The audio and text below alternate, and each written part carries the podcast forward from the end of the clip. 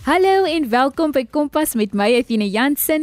Die afgelope paar donderdae fokus ons op hoe leerders vraestelle kan interpreteer tydens die eksamens.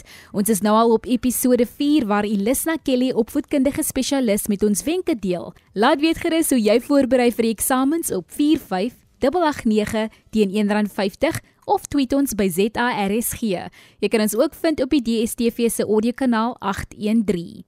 Dit is ook die eerste donderdag van die nuwe maand, November. Die einde is so te sê in sig wat die skooljaar betref, maar dit is ook nou die tyd om alles in te sit om te sorg dat jy goed vaar in jou laaste kwartaal se uitslaa. Hier by Kompas wil ons jou ondersteun en help. Ons hoor eers by 'n paar leerders of hulle nog kop bo water hou met die eksamens. Ek is Marlon Ben, 'n matriekleerder by Kamer Hoërskool. Hierdie jaar was baie moeilik. Ons het eintlik verwag, maar dit was erger as wat ons verwag het maar ons het deurgedruk en nou is ons in die finaal. Ons is so naby aan die eindstreep, die toekoms is nie meer 'n verre werklikheid nie.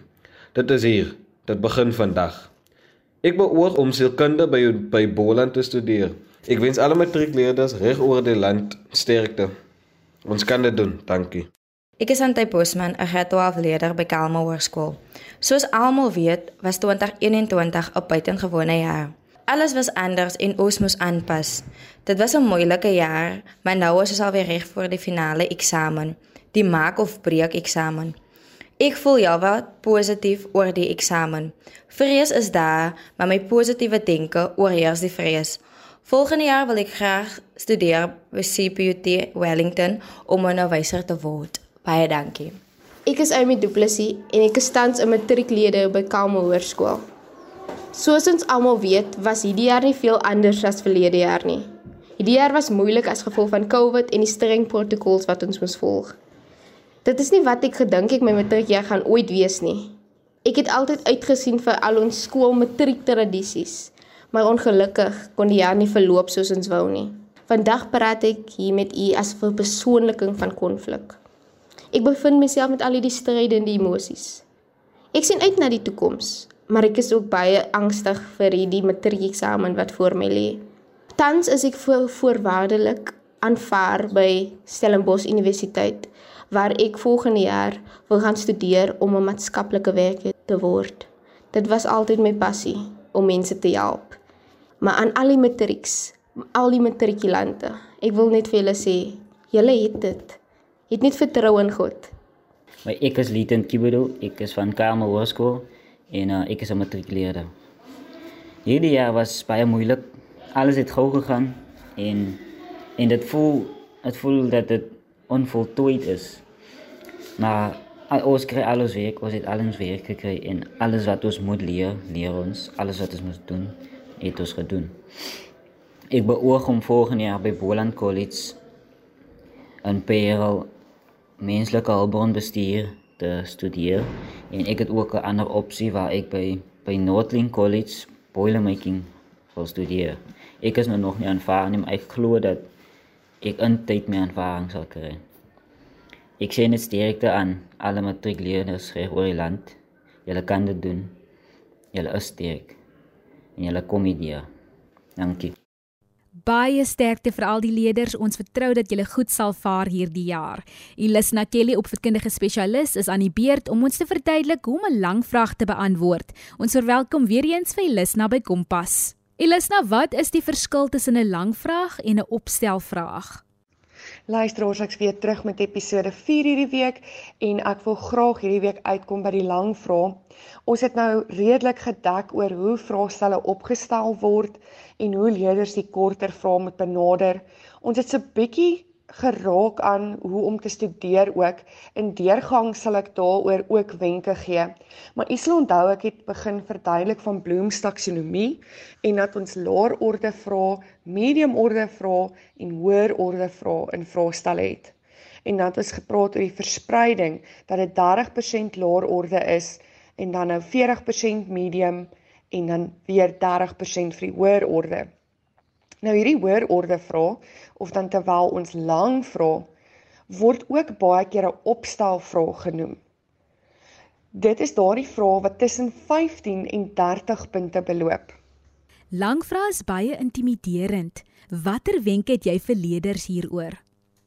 Lang vrae word ook opstelvrae genoem. So dieselfde opstel wat jy dan in 'n taalvak gaan gaan behartig en 'n lang vraag het eintlik iets in gemeen. So wanneer jy gaan begin om 'n lang vraag te beantwoord, is dit baie belangrik dat jy beplan om 'n inleiding, 'n lyf en 'n gevolgtrekking te hê in die beantwoording van jou vraag. Nou in hierdie geval is jou inleiding dan baie spesifiek oor wat jy beplan om te antwoord. So hier kan jy duidelik sê dat ek gaan die volgende noem, ek gaan hierdie bespreek en ek het ten doel om dan hierdie lang vraag en dan noem jy die lang vraag te beantwoord. So dis nou net 'n baie kort verduideliking, maar in jou inleiding sê jy wat jy gaan doen om hierdie vraag te antwoord. So jy sê daar, ek gaan die volgende definieer. Ek gaan hierdie lys ek gaan dit bespreek. Ek gaan verskille uitwys. En dan in jou lyfgedeelte waarby ons nou gaan kom, gaan jy dit begin antwoord. Soms stel dieselfde tipe vraag soos bespreek minder punte. Gaan dit dan verskil hoe ek dit moet antwoord? So leerders, as jy nou mooi geluister het wat ek daar gesê het oor wat jy in die inleiding gaan noem, dan is die kruks van die van die feit wanneer jy 'n lang vraag beantwoord, is dat jy eintlik 'n klomp kort vrae binne in die lang vraag saamvoeg om vir die onderwyser of dan die assesseerder, die persoon wat merk, dan jou antwoord weer te gee. En daarmee wil ek julle troos dat 'n lang vraag eintlik glad nie so senuweeagtig of of senuweewekkend vir jou moet wees of of vir jou enigsins 'n probleem moet wees nie. Eintlik vat 'n lang vraag net 'n klomp kort vrae saam. En ons gaan nou nog gesels oor die verskillende lang vrae, soos byvoorbeeld die verskil tussen verduidelik en beskryf. En hier veral praat ek dan nou um van 'n leervak en nie van 'n vak soos beskryf waar ek iets gaan teken waar dit maklik is om die verskil te verstaan nie.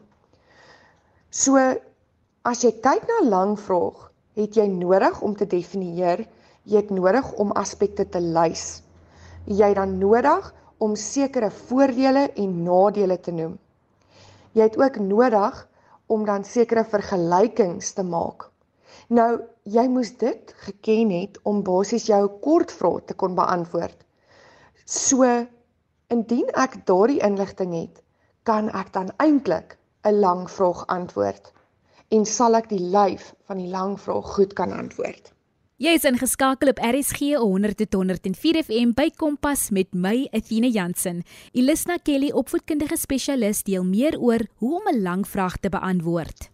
Die gevolgtrekking is dan net 'n paragraaf waar jy gaan sê dat jy dan nou gedoen het wat jy beoog het in jou inleiding. Ek het die volgende in die vraag hierbo genoem en uiteraard die vraag en dan noem jy die vraag beantwoord. So dis net om jou inleiding weer hard te skryf, maar om te sê dan jy het dit dan nou gedoen en dit as 'n gevolgtrekking dan af te sluit. Daardie punte dan is die ekstras wat maak dat jy volpunte kan kry of wanneer ons vir een of twee punte moet soek dat ons dit wel kan doen. Natuurlik binne parke want die marksentrums word baie goed gereguleer en word baie baie streng hanteer. Wat is die verskil tussen 'n bespreek en 'n verduidelik vraag? Terug by die lyf, as ons kyk byvoorbeeld na 'n lang vraag wat byvoorbeeld 10 punte tel en dit handel dan oor 'n vergelyking wat gemaak moet word waar jy dan twee goed teen mekaar moet afmeet en moet sê watter een gaan die beste wees. Wanneer jy daardie vraag beantwoord, noem jy dan net wat in die vraag gevra word. Jy noem die 3 of 4 aspekte teenoor die ander 4 aspekte wat jy dan met mekaar gaan vergelyk en jy bespreek dit. Maar maak seker dat jy tog 'n beslissing aan die einde van daardie vraag het en sê dat jy verkies dat die bogenoemde gebruik word in hierdie instansie of as jy dit vergelyk is hierdie die beste aspek om te gebruik. So in 'n vraag wat 10 punte tel, gaan 'n ou nie noodwendig die inleiding en die lyf en die gevolgtrekking hê nie, maar dis ook 'n lang vraag. En leerders moet onthou dat ons gepraat het oor toepassing. Toepassing is iets wat baie belangrik is vir matrieks en ook later, veral wanneer ons kom by universiteit.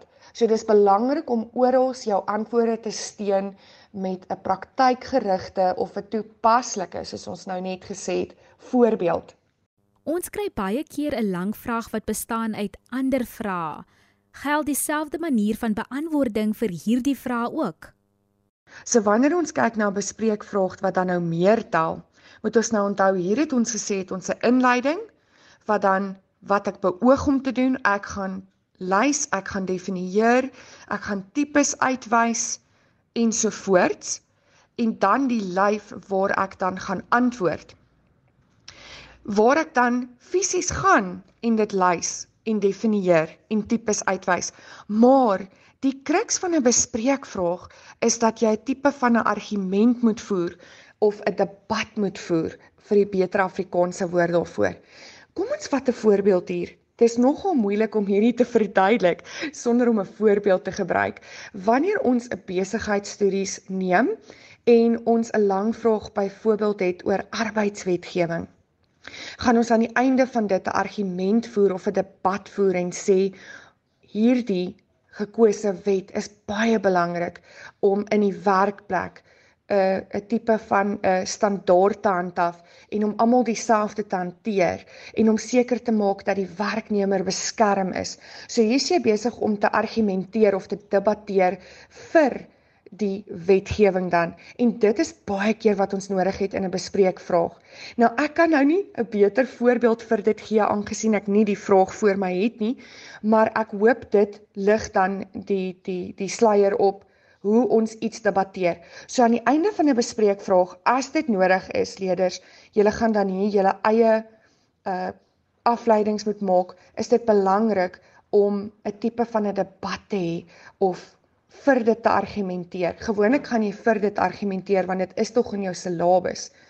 Of jy gaan iets uitwys wat dan byvoorbeeld in biologie of lewenswetenskappe soos ons dit vandag ken, dan baie sleg is vir die mens en wat hy nie moet doen nie en hoekom hy dit nie moet doen nie.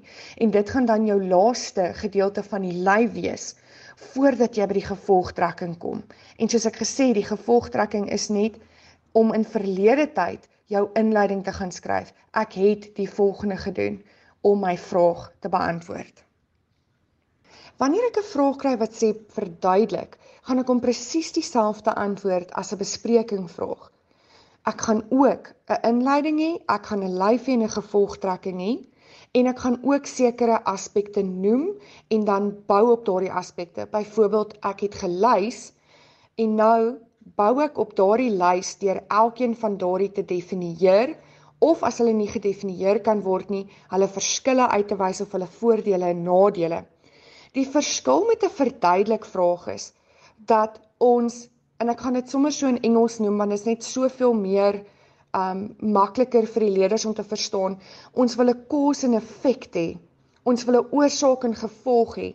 So verduidelik verg 'n bietjie meer argumentering Hierdie faktor lei tot die volgende faktor want of so dit gaan afhang van watter vraag jy het en 'n tipe uh stuk wat vir jou gegee word aan die hand van wat jy dit dan moet verduidelik. En ek het nou nie daardie vraag voor my nie maar solank daar 'n tipe aspek in is van oorsaak en gevolg hierdie het gebeur dit het gelei tot hierdie Daarna moet ons die volgende doen om dit op te los. Dan het jy jou verduidelik vraag geantwoord en om dan ook goed genoeg geantwoord om die bepunting te kry. Ek is Athena Jansen en jy's ingeskakel op RSG 100.104 FM. Ilisna Kelly, opvoedkundige spesialis, deel wenke vir die eindeksamen net hier by Kompas. Sekere lang vrae het 'n voordeel vir ons dat dit basies 'n klomp kort vrae in dit reeds bevat. So daar's 'n hoofvraag wat gevra word en dan is daar 'n paar kleiner vrae onder dit om dan die leerder te lei om hierdie vraag korrek te beantwoord. En dit is dan 'n baie groot voordeel wanneer 'n vraestel op hierdie manier opgestel word en kan ons duidelik sien weer eens dat dit nie ten doel het om 'n leerder uit te vang nie, maar eerder om hulle te bemagtig. So ek gaan dan nou 'n voorbeeld neem en leerders kan hierdie selfde vraestel gaan aftrek net om 'n klomp notas hierop te maak as hulle dan gaan kyk na die potgooi van van hierdie episode. Ek het die besigheidstudies vraestel afgetrek vir November 2020 en ek is dan op bladsy 14 by vraag 9. Ek wil hierdie vraag graag gebruik as 'n voorbeeld. Skryf 'n opstel oor probleemoplossing en kreatiewe denke waarin jy die volgende aspekte bespreek. En dan vervolg hierdie vraag met 'n klomp klein vrae of kleiner vrae. Een van die vier kleiner vrae brei uit oor die verskille tussen. Die volgende een is: bespreek die impak van die volgende twee tegnieke. Dan het dit ook verduidelik die voordele. En die laaste een, stel maniere voor waarop besighede 'n omgewing kan skep. Daar kan jy nou duidelik luister na wat ek voorheen gesê het waar ons 'n bietjie debattering of argumentering van jou wil hê. Nou, kom ons kyk gou na so 'n tipe vraag. So wanneer jy die eerste aspek lees, skryf 'n opstel oor probleemoplossing en kreatiewe denke waarin jy die volgende aspekte bespreek. Hierdie vraag tel 40 punte.